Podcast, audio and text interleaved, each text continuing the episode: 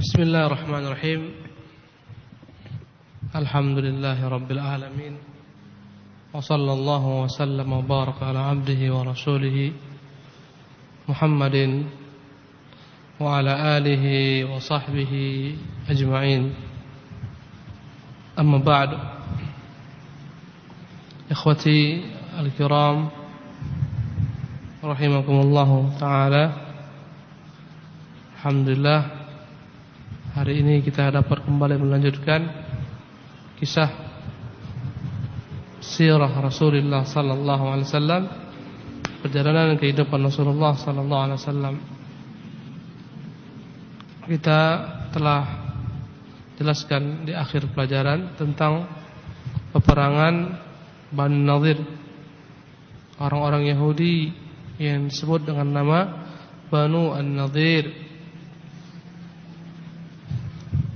yang Allah SWT terangkan kisah mereka ini dalam satu surat secara utuh yang disebut dengan surat Al-Hasyr juz 28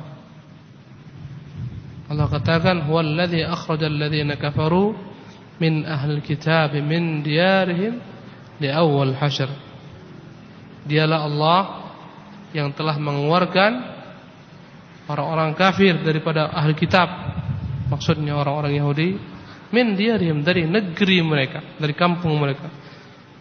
Di awal hasyr untuk pertama kali pengusiran. Ma dhanantum an yakhruju minha wa dhannu annahum mani'atuhum husunuhum min Allah kata Allah dalam surah Al-Hasyr kalian tidak pernah menganggap mereka itu akan keluar dari kampung halaman mereka. Dan mereka sendiri menganggap benteng-benteng mereka yang kokoh akan dapat mempertahankan mereka. Bertahun-tahun mereka tinggal di Madinah. Berpuluh tahun, beratus tahun mereka tinggal mendiami Madinah. Tidak pernah terpikir oleh orang-orang Islam bahwa mereka akan diusir, dilenyapkan, dinyahkan dari negeri Madinah. Allah menyebutkan, Allah kisahkan. Ini menunjukkan betapa pentingnya kita memahami, mempelajari sirah dan semakin kita dalam mengetahui sirah Rasulullah, perjuangan Rasulullah, semakin paham pula terhadap yakni penafsiran Al-Qur'an Karim. Karena Al-Qur'an banyak sekali memuat kisah-kisah perjuangan Rasulullah dan para sahabatnya. Perang Badar Allah ungkapkan dalam Al-Qur'an, perang Uhud demikian pula, perang Ahzab demikian juga. Ya. Ini perangan Bani Nadir Allah Subhanahu wa taala juga jelaskan. Ya, Allah Subhanahu wa taala jelas dalam Al-Qur'an Al-Karim. Allah min haitsu lam yahtasabu. Maka Allah datangkan kepada mereka bencana dari arah yang tidak pernah mereka duga-duga. Allah min haitsu lam yahtasibu wa qadhafa fi qulubihim. Allah Subhanahu wa taala tanamkan rasa takut dalam hati mereka. Wa qadhafa fi qulubihim.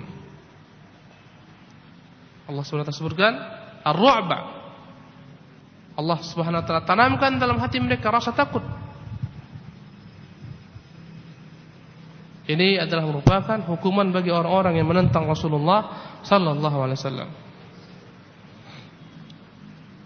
Kemudian kisah tersebut telah kita ceritakan dengan panjang bagaimana mereka telah berani menantang Rasulullah setelah Rasulullah dan para sahabat itu kalah dalam perang Uhud. Mereka tampakkan taring mereka, mereka tampakkan tanduk mereka. Mereka mulai buat hubungan dengan orang-orang munafikin, dengan orang-orang musyrikin. Tadi ahli Mekah, sembunyi-sembunyi mereka buat hubungan, mereka jalin. Dahulu kala ketika kaum muslimin perang di perang Badar menang, semua mereka tunduk, hina, dina, tidak menampakkan kepala. Ketika kaum muslimin kalah dalam perang Uhud, kalah dalam tanda petik, bukan benar-benar kalah, tapi secara zahir kelihatannya kalah. Walaupun secara hakikinya mereka menang. Walaupun 70 orang terbunuh pada perang Uhud ya. Tapi dilihat dari secara hakiki kaum muslimin yang menang. Mereka tantang musuh-musuh Islam. Setelah perang Uhud mereka terbunuh 70 orang mereka kembali ke tempat semula. Sementara orang-orang Quraisy setelah pulang. Ditunggu Rasul dan para sahabatnya mereka tidak lagi datang. Berbeda pada perang Badar Mereka kalah, mereka ditawan. Pada perang Uhud tidak ada satu orang pun sahabat yang tertawan. Walaupun jumlah mereka banyak terbunuh, tapi sebenarnya dari segi ma'nawi ya, dari segi yakni moralnya kaum muslimin menang. Menang mereka dari segi moral. Abu Sufyan takut kembali. Muawiyah yakni takut kembali menghadang kaum muslimin. Ini menunjukkan bahwasanya pada perang Uhud pun sebenarnya kaum muslimin memiliki kemenangan, menang. Walaupun di awal peperangan mereka itu hancur porak-poranda. Maka setelah ini muncullah ketika itu gerakan-gerakan yang mulai ya ini menunjukkan kekuatan mereka musuh-musuh Islam baik dari luar kota Mekah, dari luar kota Madinah. Semisal orang-orang Arab, suku-suku Badui yang tinggal di sekeliling Madinah, mereka mulai menampakkan kembali gerakan-gerakan pemberontakan mau menyerang Madinah karena keberadaan Islam menghalangi mereka menghalangi pekerjaan mereka, profesi mereka sebagai perampok, penggarong di tengah-tengah padang pasir yang menghalangi jalan-jalan. Maka mereka mulai menampakkan taring orang-orang Yahudi pun demikian. Dahulu kala mereka tanduk takluk tunduk kepada kaum muslimin pada perang Badar ketika kaum muslim menang, mereka sekarang telah menampakkan taring-taring mereka. Dan telah kita ceritakan sebab peperangan ini bahwasanya orang-orang Yahudi Bani Nadir berkhianat. Padahal sebelumnya Rasulullah berkali-kali ingatkan, jangan kalian berkhianat. Nanti kalian akan menemui kisah tragis bagaimana kaum Yahudi sebelum kalian. Ya, orang-orang Yahudi Bani Qainuqa diusir Rasulullah. Gara-gara satu orang perempuan muslimah yang berbelanja di pasar mereka, mereka kerjai, mereka jahili, subhanallah. Lihatlah bagaimana Islam memelihara satu nyawa. Ya. Ketika dia belanja, dia pergi ke tukang celup, celup pakaian, kemudian orang Yahudi ini berbuat iseng, dia ikatkan rok wanita tersebut dari arah belakangnya tanpa dia sadari ketika dia bangun tersingkap auratnya, terlihat auratnya, dia menjerit maka datanglah seorang muslim sebagai saudaranya satu agama satu Islam dia bunuh laki-laki Yahudi ini. Bangkitlah orang-orang Yahudi seluruhnya membunuh laki-laki ini. Mereka keroyak beramai-ramai. Inilah sebab peperangan Bani Qainuqa. Setelah itu Rasulullah perintahkan mereka semuanya ya, untuk diusir dari kota Madinah. Setelah itu orang-orang Yahudi mulai kembali menyembunyikan diri. Tapi ketika kaum muslimin dalam perang Badar, dalam perang Uhud mereka kalah. Dalam tanda petik saya katakan tadi, Mulai kembali mereka menampakkan gigi. Berkali-kali Rasulullah ingatkan, eh jangan kalian mengingkari janji. Kita telah terikat kesepakatan janji. Bahwasanya kita semuanya adalah satu umat yang saling tolong menolong. Jika datang musuh dari luar negeri kita, telah mereka buat kesepakatan yang disebut dengan nama Piagam Madinah. Ya, Piagam Madinah yang intinya mereka semuanya terikat kesepakatan damai, saling bantu membantu. Kemudian apa kata orang-orang ini Yahudi Bani Nadir? Ya Muhammad, kamu jangan merasa bangga ketika engkau berhasil mengusir mereka. Bani Qainuqa itu orang-orang Yahudi yang tidak memiliki kekuatan, keahlian dalam berperang. Kami, kata mereka, kami Muhammad, kalau kau tahu kami, ya, kami mewarisi mewarisi kepiawaian dalam berperang itu turun temurun. Kami ahli berang, ahli panah. Mereka menentang Rasulullah SAW. Maka ketika Rasulullah SAW berjalan dengan para sahabatnya sebagian mendatangi kampung Bani Nadir minta bantuan terhadap yakni dua orang yang dibunuh oleh salah seorang kaum muslimin dengan keliru. Mereka bunuh dua orang yang tidak bersalah daripada yakni sekutu. Eh, orang-orang terikat kesepakatan dengan kaum muslimin kesepakatan damai. Dua orang yang telah mendapat jaminan keselamatan daripada Rasulullah dibunuh maka Rasulullah wajib membayar diat mereka, membayar nyawa dua orang yang terbunuh dengan tidak sengaja karena kesalahan, kekeliruan. Ya, maka Rasulullah kumpulkan dia pada kaum muslimin. Rasulullah siapkan 200 ekor unta dan masih kurang. Datanglah Rasulullah minta bantuan orang Yahudi Bani Nadir karena mereka terikat kesepakatan dengan Rasulullah. Kemudian datanglah syaitan membisikkan ke telinga mereka ya ketika Rasulullah datang minta bantuan kepada mereka untuk membantu ya bersama-sama membantu melunasi diat membayar diat yang terbunuh dua orang tersebut Datanglah syaitan bisikan ke telinga-telinga mereka ini. Orang-orang yang celaka yang Allah tetapkan bagi mereka kecelakaan, kehinahan sampai akhir zaman.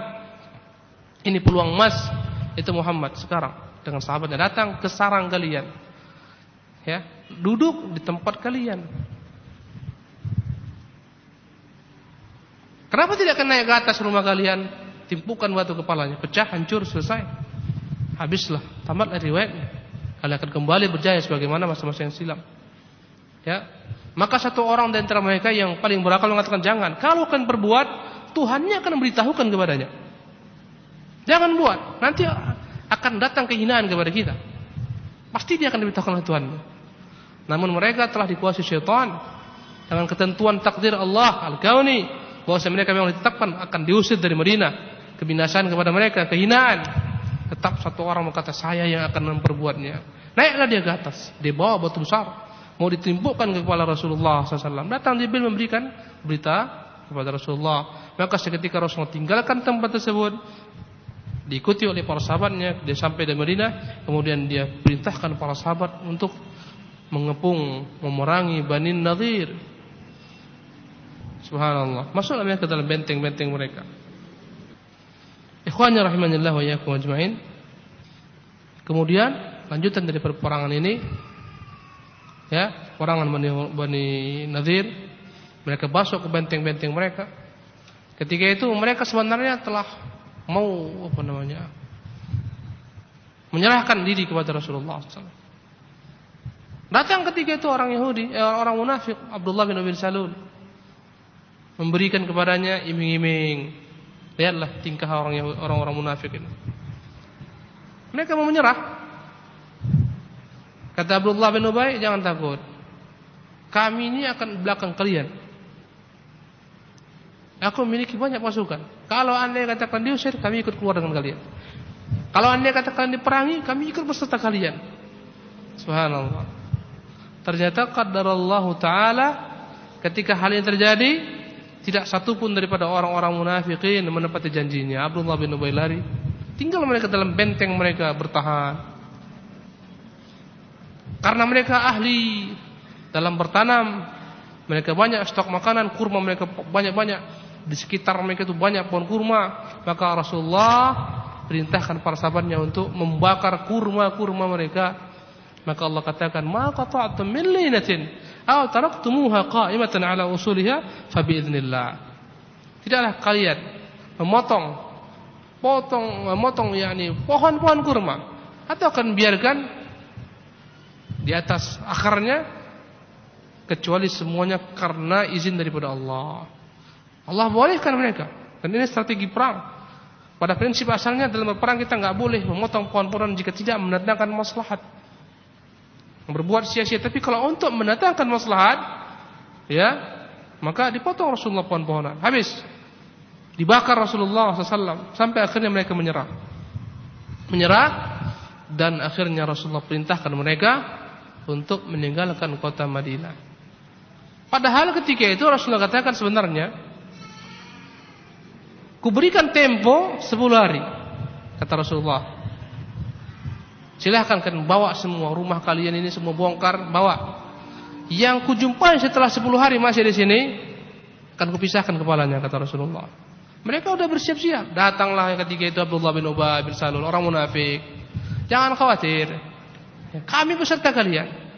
Allah katakan dalam Al-Quran Al-Karim, Alam tara ila nafaqu? Tidakkah kalian melihat kepada orang munafik yaquluna li ikhwanihim mereka berkata kepada saudara-saudara mereka, "Minal ladzina utul kitab" dari golongan ahli kitab, "La in ukhrijtum anakhrujanna ma'akum." Kalau kalian diusir, kami akan ikut keluar beserta kalian. Subhanallah. Iming-iming. Jangan takut. Wa in la in ukhrijtum lanakhrujanna ma'akum. Wa la in qutiltum anansurannakum. Kalau kalian diperangi, kami akan menolong kalian. Subhanallah. Kata Allah Subhanahu wa taala, "Wa in ukhrijtum lanakhrujannakum." Wa la nuti'u fikum ahadan. Tidak akan pernah kami patuhi siapa pun juga dalam perkara kalian ini. Ya, untuk melemahkan kalian, menghinakan kalian. Tapi Allah terangkan, "La in ukhriju la yakhrujuna mahum." Padahal kalaulah mereka ini orang-orang Yahudi diusir, tidak akan mungkin orang-orang munafik ikut kepada dengan mereka. Wala in qutilu la yansurunhum. Kalaupun mereka diperangi, tidak akan mungkin orang-orang munafik itu membantu mereka. Wala in nasaruhum la yawallunna al-adbar thumma la yansarun. Kalaupun mereka berani membantu dalam peperangan, membantu orang-orang ini, pasti mereka akan lari tunggang langgang. Ini ini karakter orang-orang munafikin, pengecut. Ya, kalau anda kata perang, dia paling kalau belum perang dia yang paling lantang. Dia yang seolah-olah dia terdepan, dia akan semua memperandakan musuh. Kalau udah tiba perang, dia paling belakang. Bahkan nggak nongol. Macam-macam alasan. Inna buyutana aurah. Rumah kami ini banyak ini musuh-musuh banyak. Ini nggak ada yang jaga rumah ini. Macam-macam buat alasan. Seharusnya mereka itu aman, ya, disuruh pergi Rasulullah SAW, tapi mereka membangkang. Akhirnya wajib mereka tinggalkan Madinah. Ya, dengan tidak membawa persenjataan. Hanya diberikan batasan mereka hanya boleh bawa perkas rumah mereka saja. Senjata semuanya tinggal. Itulah asyik daripada perang Bani Nadir. Terusirlah mereka dengan keadaan hina. Kemudian ikhwani rahimanillah wa iyyakum ajmain dengan kemenangan ini pada peristiwa Ghazwat Bani Nadir dengan tanpa ada peperangan ya kembali kaum muslimin memiliki wibawa. Disegani oleh musuh-musuh sekitar Madinah. Orang-orang munafikin kembali masuk ke dalam sarang-sarangnya menundukkan kepala sembunyi menyembunyikan kepalanya menyimpan taringnya. Maka Ketika mereka berhasil diamankan Rasulullah di dalam sekitar Madinah, orang munafikin selesai, Yahudi Bani Nadir selesai. Mulailah Rasulullah SAW buat strategi mengembalikan ibu bayi mereka untuk mengamankan jalan-jalan di luar kota Madinah yang banyak ya didiami oleh perampok-perampok orang-orang Arab. Apalagi peristiwa yang paling memprihatinkan mereka yakni dengan terbunuhnya para sahabat-sahabat Rasulullah pada peristiwa Bi'ru Maunah. Ya. Berapa riwayat mengatakan mereka sekitar 70 orang. Semua terbunuh dalam keadaan dikecoh, ditipu, diundang ke negeri mereka untuk menjadi pengajar Quran. Di tengah jalan semuanya mereka disembelih, diperangi. Maka Rasulullah harus mengembalikan kewibawaan kaum muslimin, subhanallah di mata musuh-musuh Islam sebagaimana yang kita sekarang rasakan bagaimana hinanya kaum muslimin di mana pun mereka berada di mata musuh-musuh Islam tidak ada ber, tidak ada berharga sedikit pun nyawa kaum muslimin. Di negeri-negeri kaum muslimin ya. Satu nyawa orang kafir itu berharga. Mereka akan tuntut mereka akan kerahkan segala daya upaya mereka untuk menjaga satu nyawa mereka. Tapi darah kaum muslimin tertumpah pagi sore siang malam di negeri-negeri kaum muslimin. Di Irak Palestina dan lain-lainnya. Anak-anak yang tidak berdosa hina mereka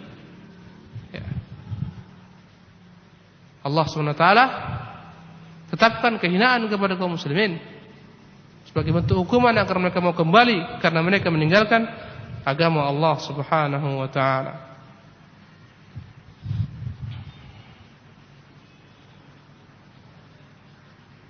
Maka Sampai ke telinga Rasulullah SAW orang-orang Badui, orang-orang Arab dari Bani Muharib, Bani Tha'labah yang kedua-duanya adalah merupakan suku-suku di bawah suku besar Ghatafan ingin memerangi Madinah. Berangkatlah Rasulullah sallallahu alaihi wasallam dengan para sahabatnya untuk segera mengurusi mereka, untuk memerangi mereka dari arah Najd Rasulullah berjalan dari arah yang berlawanan sehingga mereka terkecoh. Tidak mereka sangka-sangka maka pada pagi hari tepat Rasulullah telah ada di kampung mereka. Maka mereka pun lari kucar kacir naik ke gunung. Tanpa arah tanpa tujuan hilang. Mereka tinggalkan kampung mereka. Betapa takutnya orang-orang Arab ini mendapati Rasulullah, menemui Rasulullah dan para sahabatnya. Maka kosonglah kampung tersebut. Maka Rasulullah SAW kembali kemudian dengan aman tanpa perlawanan. Dan Rasulullah SAW membawa berbagai macam bentuk harta rampasan perang yang mereka miliki.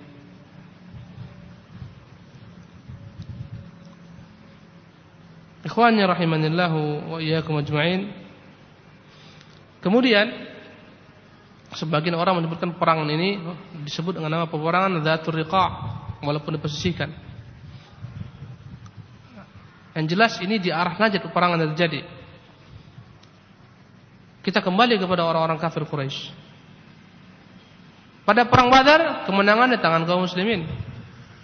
Pada perang Uhud banyak kaum muslimin yang terbunuh, 70 orang kaum muslimin terbunuh. Maka seolah-olah kemenangan ada pada orang-orang musyrikin. Dan Abu Sufyan telah berjanji akan kembali datang ke Badar tahun depan. Dan ditantang oleh Rasulullah SAW. Ini menunjukkan kaum muslimin belum kalah. Ya. Telah dekatlah masanya. Kaum muslimin telah persiapkan untuk perang kali ini yang disebut dengan nama peperangan Badar Sughra, perang Badar kecil namanya atau Badar Ats-Tsaniyah, Ghazwatul Badr Ats-Tsaniyah, peperangan Badar yang kedua. Pada perang Badar Kubra mereka hancur. Setelah kaum muslimin selesai mengurusi stabilitas keamanan di dalam negeri Madinah dan sekitarnya orang-orang Arab semua mereka taklukkan, maka siap-siaplah mereka mengumpulkan semua kekuatan mereka untuk menghadapi musuh mereka yang terbesar. Siapa?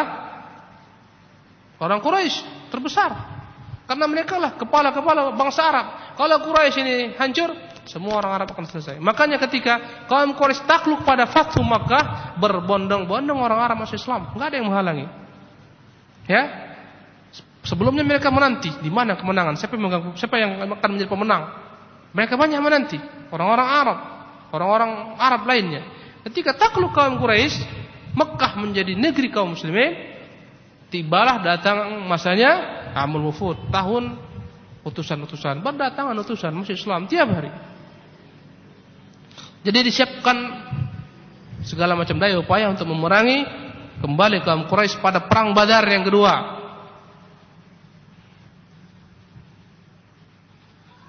Kemudian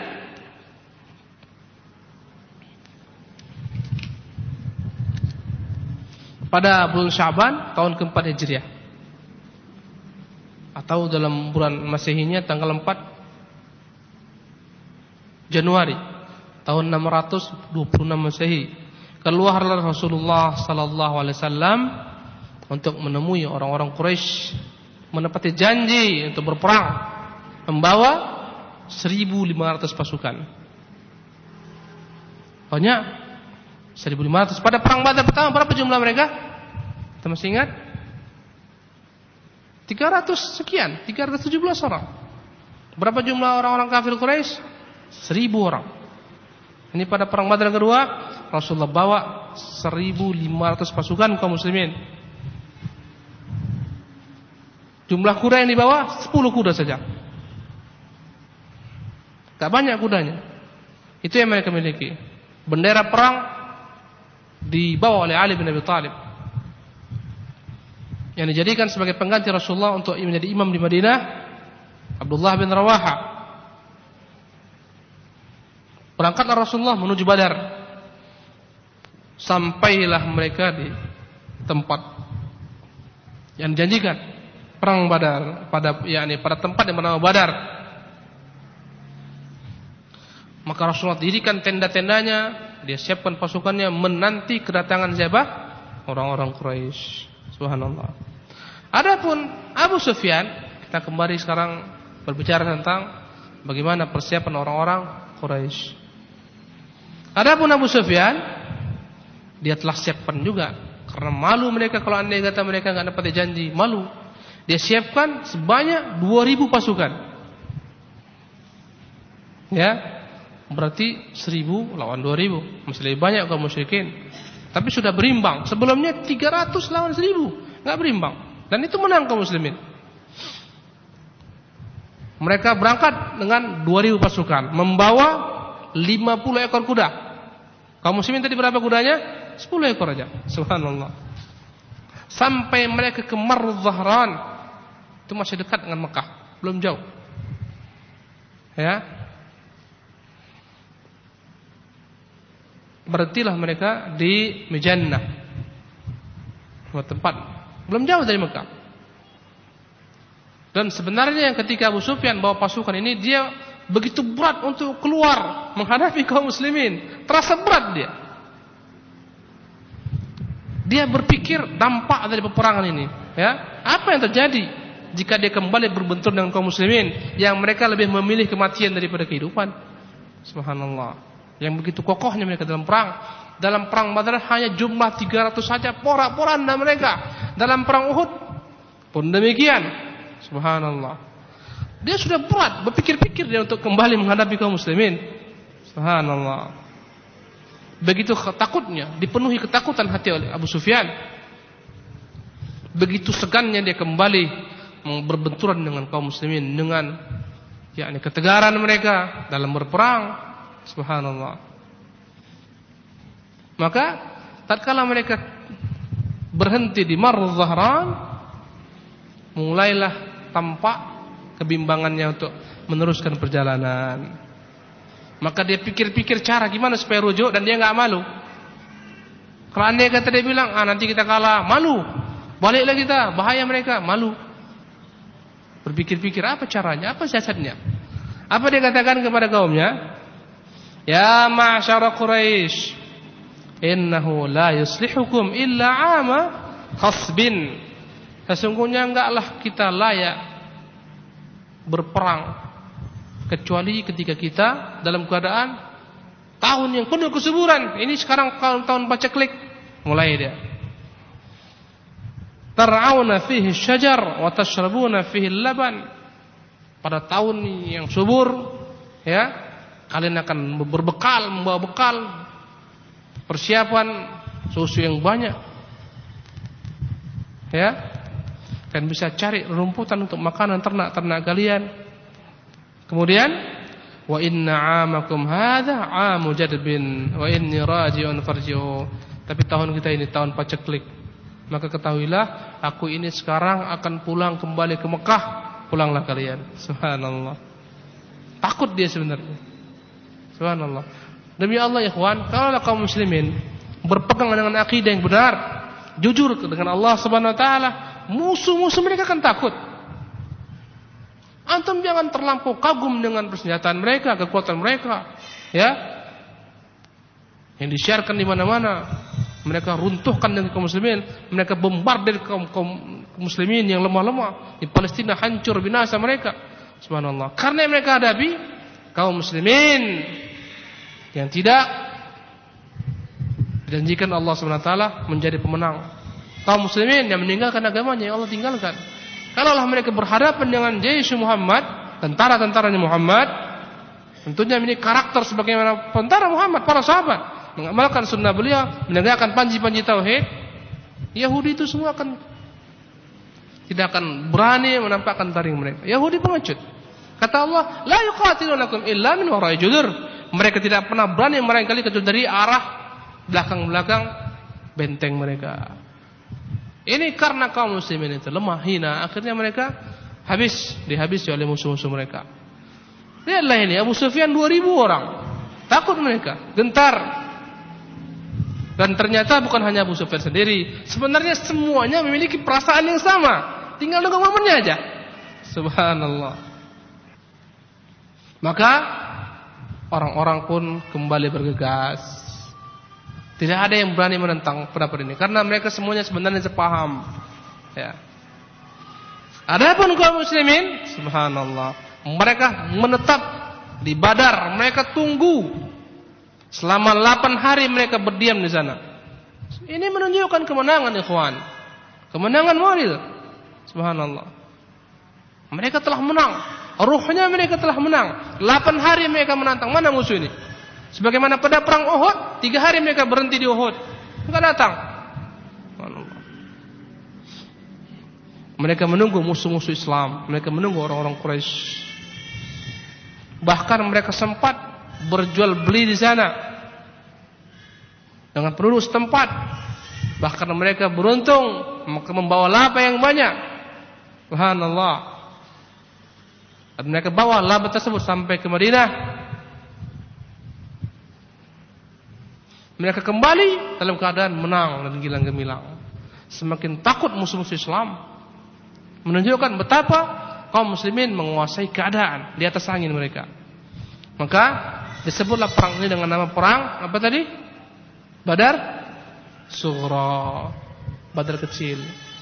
Walaupun tidak terjadi dalam padanya peperangan atau disebut dengan, Badar Atsaniyah, Ghazwatul Badr Tsaniyah atau juga disebut dengan nama Ghazwah Badrul Mau'id, peperangan Badar yang telah disepakati di sana. Subhanallah. Kemudian ikhwani rahimakumullah, kita akan berbicara tentang peperangan yang disebut dengan nama Ghazwatu Daumatil Jandal. Apa namanya? Daumatil Jandal. Ini nama tempat semua ini. Peperangan dalam Islam nama-namanya semua dikaitkan dengan nama tempat perang Uhud. Karena di Uhud, perang Badar karena di Badar. Ada sebagian dengan dikaitkan dengan sifat. Contohnya apa? Ghazwatu Dzatis Salasil, peperangan berantai. Itu memang karena sifatnya. Di mana orang-orang Romawi keluar semuanya dengan rantai yang mengikat mereka. Supaya nggak lari orang-orang Romawi dengan dua berapa ya? 200 ribu pasukan Romawi semuanya dilantai. Namanya Datus Salasil dan lainnya ada peperangan Datul Riqa kaum muslimin nggak punya pakaian mereka pakai tambal-tambal itu semuanya dengan sifat sebagian besar dikaitkan dengan apa dengan tempat kembali Rasulullah ke kota Madinah subhanallah jadi ikhwan kalau antum bayangkan Madinah itu itu itu asal Islam. Subhanallah. Dari sana Islam bermula berawal. Daulatul Islam al-ula. Negeri kaum muslimin yang pertama kali di sana bermula. Subhanallah. Ya. Kemudian kekuasaan Islam itu sampai kapan? Pada masa Rasulullah, Abu Bakar, pada masa siapa lagi? Umar radhiyallahu taala pada masa Utsman, pada Ali berpindah ke Kufah. Ya, pindah ke Kufah. Setelahnya ada ke Basrah dan lain-lain.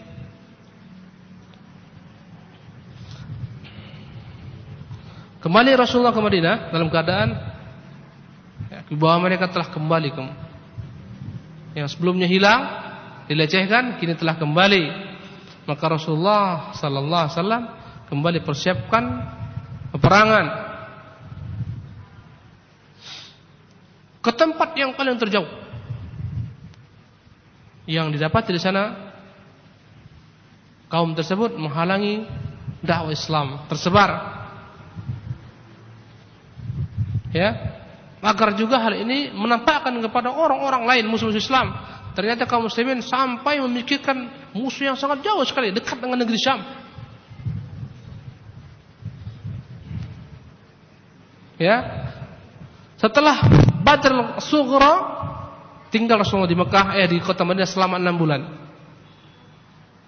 Setelah enam bulan sampailah berita kepadanya bahwasanya orang-orang kufar di negeri yang bernama Daumatul Jandal yang dekat dengan negeri Syam. Negeri Syam antum tahu di mana? Di mana kira-kira negeri Syam sekarang? Suria, Lebanon, Damaskus, Jordania itu negeri Syam. Palestina masuk negeri Syam. Mereka mendengar bahwasanya terjadi kekacauan di negeri ya Daumatul Jandal di mana orang-orang Arab merampok, menyamun, membunuh ya kafilah yang lewat di sana dan didengarkan oleh Rasulullah berita bahwasanya mereka ini akan mendatangi negeri Madinah, menyerang Madinah. Maka Rasulullah SAW pilih salah seorang sahabat menjadi pengganti beliau di Madinah yang bernama Siba bin Arfatah Al-Ghifari dari Bani Ghifar. Keluarlah Rasulullah membawa seribu kaum muslimin pada bulan Rabiul Awal tahun kelima Hijriah. Ya, 25 Rabiul Awal tahun kelima Hijriah. Kemudian Rasulullah sallallahu alaihi wasallam pilih satu orang dari Bani Adirah sebagai penunjuk jalan menuju Daumatul Jandal. Karena orang-orang Arab itu ada profesi yang dikenal dengan nama dalil, penunjuk jalan, guide. Rasulullah ketika hijrah itu orang Arab musyrik. Enggak salah saya namanya Abdullah bin Fahirah. Dia yang menunjuki jalan Rasulullah. Ya, dari arah tepi laut. Dipilihlah ketika itu salah seorang dari Bani Adirah sebagai penunjuk jalan menuju Daumatul Jandal. Berangkat Rasulullah, mereka berjalan. Jika malam hari mereka jalan, di siang hari mereka berteduh, bersembunyi. Subhanallah. Ini strategi supaya tidak terlihat mereka supaya tidak ketahuan. Mereka berjalan di malam hari. Subhanallah. Untuk bayangkan gimana itu jalan padang pasir malam hari nggak ada lampu, nggak ada listrik, petunjuknya hanya bintang saja, subhanallah. Di padang pasir ada ular, ada singa, banyak duri-duri, batu-batu, subhanallah. Itu nggak bayangkan. Kalau antum sekarang lihat, seolah-olah nggak pernah ada itu semua. Jalan tol, mana-mana jalan tol. Ya, itu padang pasir, ikhwan, rahimakumullah. Berjalan mereka di malam hari, siang hari bersembunyi. Sampai mereka tiba di Damatul Jandal. Maka tanpa pernah disangka-sangka oleh musuh-musuh Islam, mereka telah tiba di Damatul Jandal. Ketika kaum muslimin datang, kemudian mereka ya, kembali sebagaimana kita sebutkan sebagaimana sebelumnya, berlari ya. Subhanallah. Maka Rasulullah kumpulkan ternak mereka tunggangan mereka. Yang lari dapat lari, yang keratawan keratawan. Subhanallah. Sampai ke Dawatul Jandal Semuanya yang mampu lari melarikan diri Dan tidak lagi Didapati Rasulullah Sallallahu Alaihi Wasallam Di kampung Dawatul Jandal seorang pun Ya karena ketika mereka tiba di yakni perbatasan kota, semuanya telah lari yang lari-lari. Yang ditangkap ditangkap sampai di jantung kota, nggak ada orang lagi. Tinggal Rasulullah di sana berhari-hari, subhanallah. Bahkan sempat Rasulullah mengutus ketika itu pasukan-pasukan kecilnya sebagai mata-mata, sebagai pencari berita, informan, mencari berita tentang musuh-musuh Islam. Dia sebarkan ke seluruh penjuru Subhanallah. Untuk mencari, mengejar mereka tapi tidak juga dapat. Maka kembalilah Rasulullah sallallahu alaihi wasallam ke Madinah. Termasuk tinggalkan di sana sahabat beliau menggantikan posisi beliau sebagai penguasa di sana yang bernama Uyainah bin Hisn. Ini adalah peperangan Domatul Jandal.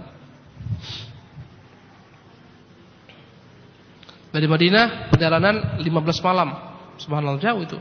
15 malam itu naik unta. Bukan dekat.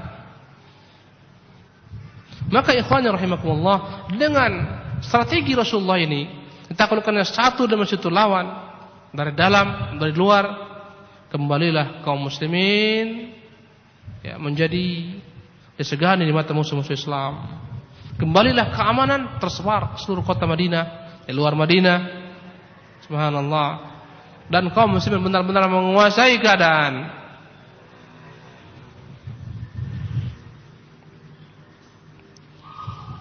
Orang-orang munafik semuanya tenang, nggak ada lagi mereka berani bicara-bicara. Tenang, menyembunyikan diri. Orang-orang Yahudi telah terusil. Tinggal satu lagi yang belum. Bani Quraidah.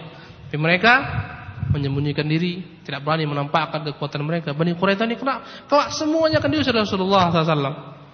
Ya, tinggal nunggu masanya aja. Orang-orang Arab sekitar kota Madinah yang mereka dahulunya perampok yang menguasai jalan-jalan semuanya tunduk kepada kaum muslimin. Orang-orang Quraisy pikir-pikir ulang untuk kembali melawan kaum muslimin. Maka kaum muslimin mendapati kesempatan emas untuk menyebarkan Islam. Menyampaikan misi, risalah Rabbul Alamin. Karena ikhwan rahimakumullah demi Allah tidak akan mungkin tersebar dakwah ini kecuali dalam keadaan aman, tentram dalam keadaan kacau, fitnah, peperangan, nggak ada sebar dakwah. Makanya antum lihat ketika terjadi genjatan senjata antara kaum muslimin dengan siapa? Orang-orang Quraisy. Mereka buat genjatan senjata kesepakatan damai 10 tahun. Satu tahun saja berbondong-bondong orang masuk Islam. Subhanallah. Makanya ikhwan harus jaga keamanan ini. Makanya segala macam bentuk gerakan-gerakan yang mengacaukan keamanan negeri kaum muslimin ini sebenarnya menghalangi jalan dakwah Islam. Kaum Khawarij yang bekerja dari bawah tanah ingin menggulingkan pemerintah kaum muslimin, membuat gerakan-gerakan memberontak, mengacau balau, ya. Demo-demo yang, membawa huru hara dan prahara itu semua akan menghalangi tersebarnya Islam dan kaum muslimin. Fitnah-fitnah akan tersebar ketika sebagian kaum muslimin salah dalam bersikap, ya. Salah dalam memahami makna jihad dan seterusnya. Ini semua pengacau Islam, penghalang dakwah Islam untuk sampai ke negeri-negeri ajam, ke negeri-negeri kufar. Insyaallah taala di kesempatan yang akan datang kita akan masuk membahas peperangan berikutnya peperangan besar ya yang disebut dengan nama Ghazwatul Ahzab. Perang Ahzab. Atau disebut juga dengan perang Parit di mana akan berhadapan 3000 kaum muslimin menghadapi 10.000 tentara sekutu subhanallah.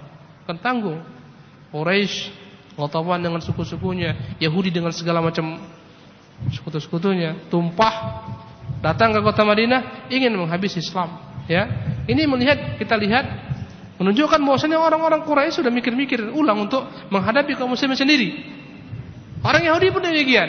Ini orang Yahudi yang terusir. Bani Nadir. Sebelumnya Bani Qainuqa. Mereka itu begitu bencinya kepada Islam. Mereka berkumpul dan bekerja sama siang malam. Untuk menarik simpati orang-orang Arab. Ya Untuk bersama-sama menghadapi kaum muslimin. Subhanallah. Terbayangkan. Berapa gelintir personel kaum muslimin. Berapa orang mereka. Tapi ditakuti oleh beribu-ribu orang-orang kufar. Demi Allah ikhwan. Kalau antum tegakkan sunnah tegakkan kebenaran, tegakkan agama Rasulullah, janji Rasulullah itu benar. Apa kata Rasulullah? Wa 'ala man amri. Akan dijadikan kehinaan bagi orang-orang yang menentangku. Maka antum gak usah khawatir, ya. Satu orang ahlu sunnah yang istiqamah dengan agamanya itu sama dengan seribu orang-orang kufar. Gak usah khawatir antum. Ya nggak berani? Percaya enggak. Percaya beliau. Taib. Aku lakukan hadza wa astaghfirullah li wa lakum wa